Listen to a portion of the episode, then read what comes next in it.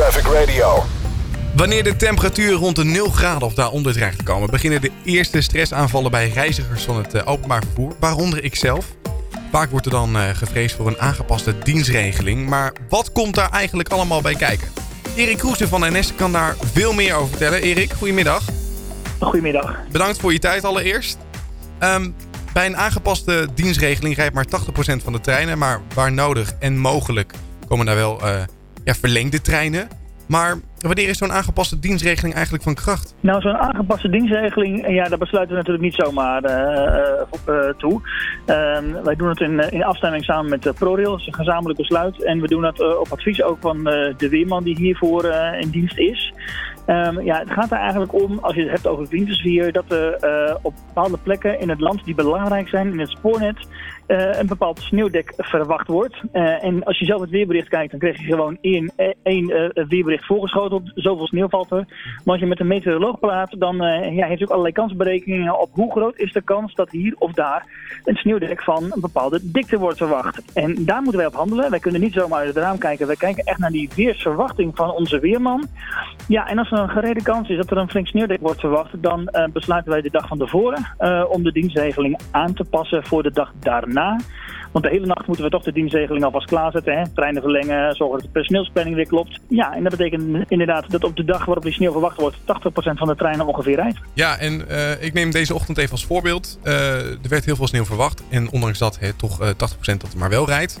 maar bijvoorbeeld in Rotterdam was er nog nergens, er was nog niet zo heel veel aan de hand. Dan is er dus geen mogelijkheid dat de, de spits, om het zo te zeggen, gewoon regulier door kan gaan.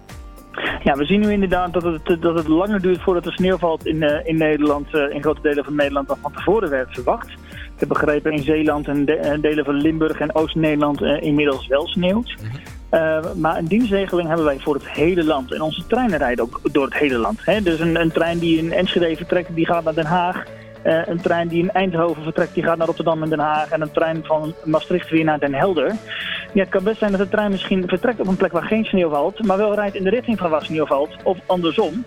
Dus al die treinen die staan met elkaar in verbinding. En dat betekent dus dat we voor het hele land de dienstregeling moeten aanpassen, ook als we niet in het hele land sneeuw verwachten. Um, voor de treinen die wel rijden, wat voor uh, voorzorg wordt daarop gepleegd? Wat, zijn daar voorbereidingen voor? Worden ze ingespreid? Of wat, wat komt er eigenlijk nou, bij kijken? Enkele dagen voordat er al een gereden kans op sneeuw is, dan uh, gaan alle onze treinen door een zogenaamde installatie. Dat heet de uh, uh, anti-icing installatie. Je kent dat misschien wel van de wintersport, dat een, een vliegtuig ook even ingesproeid wordt met een ja, soort antivries. Dat doen wij ook met onze treinen. En dat voorkomt dat ijs zich vasthecht onder de trein. Uh, en vervolgens bij wissels weer los kan raken. En want op het moment dat uh, ijsklompen onder de trein loskomen op een wissel, dan gaat die wissel in storing en dat wil je niet. Nou, met die anti-icing installatie kunnen we voorkomen dat veel ijs zich vasthecht onder de trein. Maar helemaal voorkomen kunnen we dat niet. Uh, en vandaar dat we dus ook als maatregel hebben besloten om de dienstregeling aan te passen. Ik kan me voorstellen als er treinen uitvallen dat er dan een, een, grotere drukte wordt verwacht rondom de, de, de spitstreinen. Nu komt het voor dat bijvoorbeeld de gehele tweede klas in de gang vol staat maar in de eerste klas weinig tot niet zit. Hoe wordt daarop gereageerd? Nou, het is inderdaad zo dat met de aangepaste dienstregeling de kans in de spits groter is dat het erg druk is in de trein. Dat zie je eigenlijk op de weg ook en dat zie je op de luchthavens uh, zie je dat ook. Uh, in de trein is het drukker, zeker in de spits, met een aangepaste dienstregeling. Wij proberen waar mogelijk de treinen te verlengen.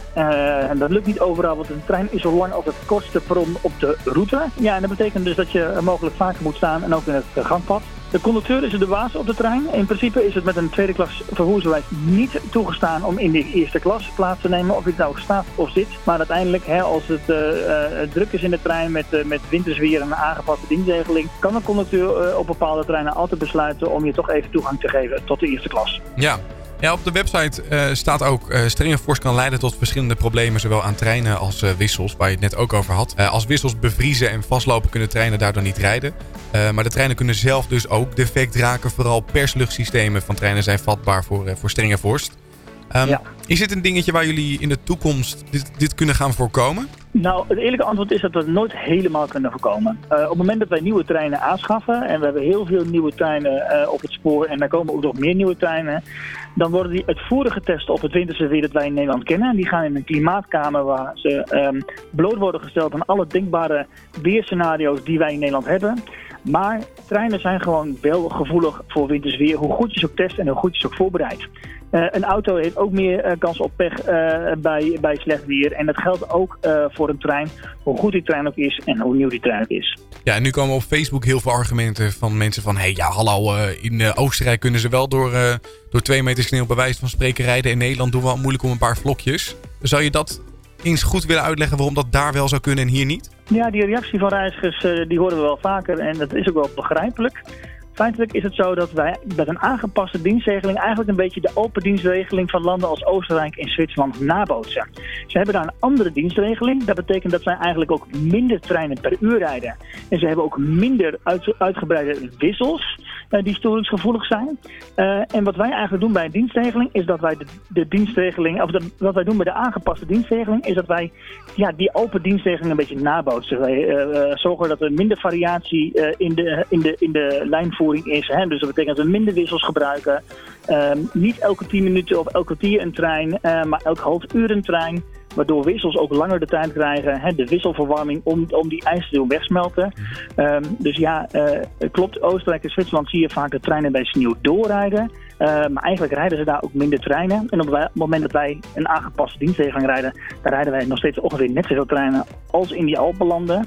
En ik moet er ook bij zeggen, ik ken een paar mensen die daar veelvuldig in de trein zitten. Of het voor sneeuwt in Zwitserland of Oostenrijk of in de Scandinavische landen, hebben zij ook echt last uh, van, uh, van meer verstoringen. Ja, dus eigenlijk een vooroordeel wat eigenlijk een beetje nonsens is dus. Iedereen kent van die hele mooie stoere plaatjes van hele massieve treinen die dwars door een meter dikke sneeuwpak heen, heen rijden. Maar als je goed kijkt, uh, zie je dat het een spoorlijn zonder enige wissels, zonder uh, reizigers in de buurt, mm -hmm. geen bovenleiding, uh, waar één keer per dag of twee keer per dag een trein doorheen gaat. Ja, hier rijdt op het drukste spoornet om de minuut een trein weg van, een, van een perron door allemaal wisselstraten met bovenleiding. Het is gewoon een hele andere situatie. En die hebben wij ook eigenlijk nodig, hè, met het grote aantal reizigers dat wij in Nederland kennen. We hebben maar een paar sneeuwdagen per jaar. Ja, en dan moeten we gewoon even proberen dat zo goed mogelijk te doen. En daar hebben we die aangepaste dienstregeling voor nodig. Ja, Erik Kroesen van NS, dankjewel. En um, voor meer informatie kunnen mensen uiteraard terecht bij, bij jullie, hè, bij de NS. Absoluut. Fijne dag, hè. Fijne dag. Traffic Radio.